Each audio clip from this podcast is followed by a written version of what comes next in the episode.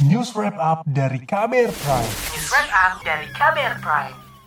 Saudara, sudah 19 tahun rancangan Undang-Undang Perlindungan Pekerja Rumah Tangga tak kunjung kelar.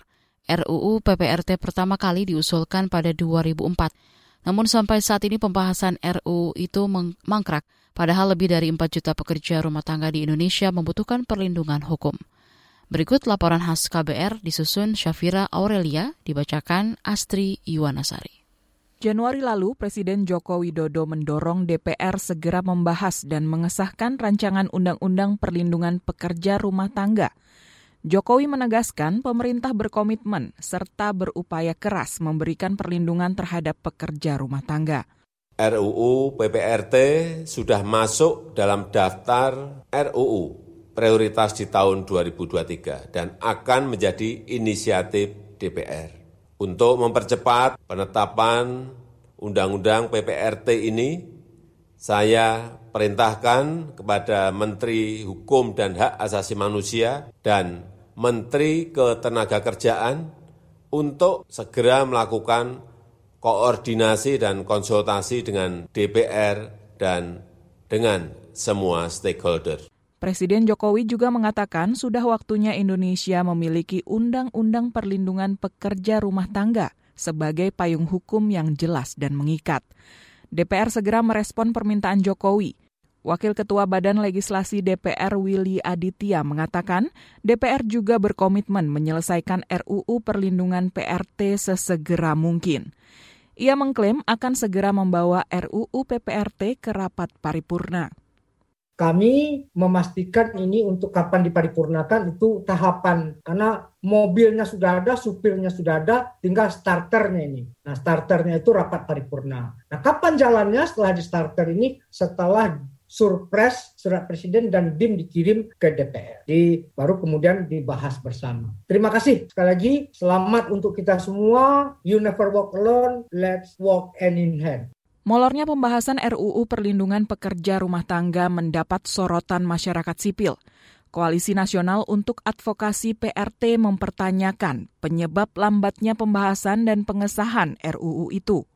Koordinator Koalisi Nasional untuk Advokasi PRT, Eva Kusuma Sundari, mengatakan saat ini banyak sekali pekerja rumah tangga di Indonesia yang masih rentan dan banyak mengalami kekerasan. Kekerasan paling banyak adalah kekerasan secara fisik terhadap PRT perempuan. Ia berharap agar Presiden dapat bertindak tegas untuk menjamin keselamatan para PRT melalui undang-undang. Memang persoalannya panjang, banyak catatan, tapi bukan berarti untuk ditinggalkan. Di saat yang sama, kami juga bersurat kepada Presiden untuk menerima empat korban yang kami kumpulkan ya, untuk uh, mengeluh kepada Presiden presiden saya mengalami ini ini ini tolong uh, bapak statement untuk mendorong agar proses legislasi di DPR itu bisa segera kelar dan segera dibentuk panja antara DPR dan pemerintah. Eva Kusuma Sundari mencontohkan salah satu kasus kekerasan yang dialami pekerja rumah tangga asal Pemalang, Jawa Tengah.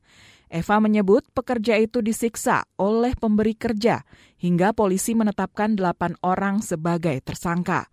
Pekerja rumah tangga merupakan salah satu kelompok yang paling banyak mengalami kekerasan.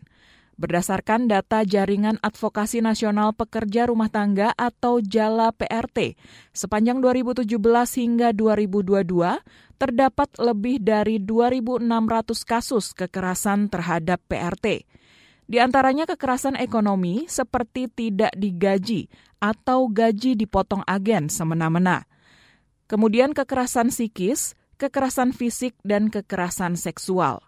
Pegiat Jala PRT Ari Ujianto menyebut setidaknya ada dua persoalan yang membuat RUU PPRT tidak kunjung disahkan.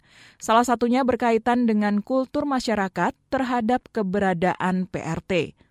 Misalnya yang penolaknya misalnya ini nanti akan merusak budaya gotong royong kalau undang-undang ini disahkan, merusak kekeluargaan. Padahal ini justru sebaliknya. Anggota DPR ya yang bilang begitu ya, yang menolak itu. Padahal justru sebaliknya. Nggak mungkin gotong royong kekeluargaan atas penindasan. Justru dengan menghilangkan penindasan itu gotong royong kekeluargaan memang terjadi sesungguhnya. Ada yang begitu Wah nanti ini budara barat. Ini nanti semua hal dikapitalisasi. Sedikit-sedikit dihitung, sedikit-sedikit dihitung. Ada yang begitu menolaknya itu.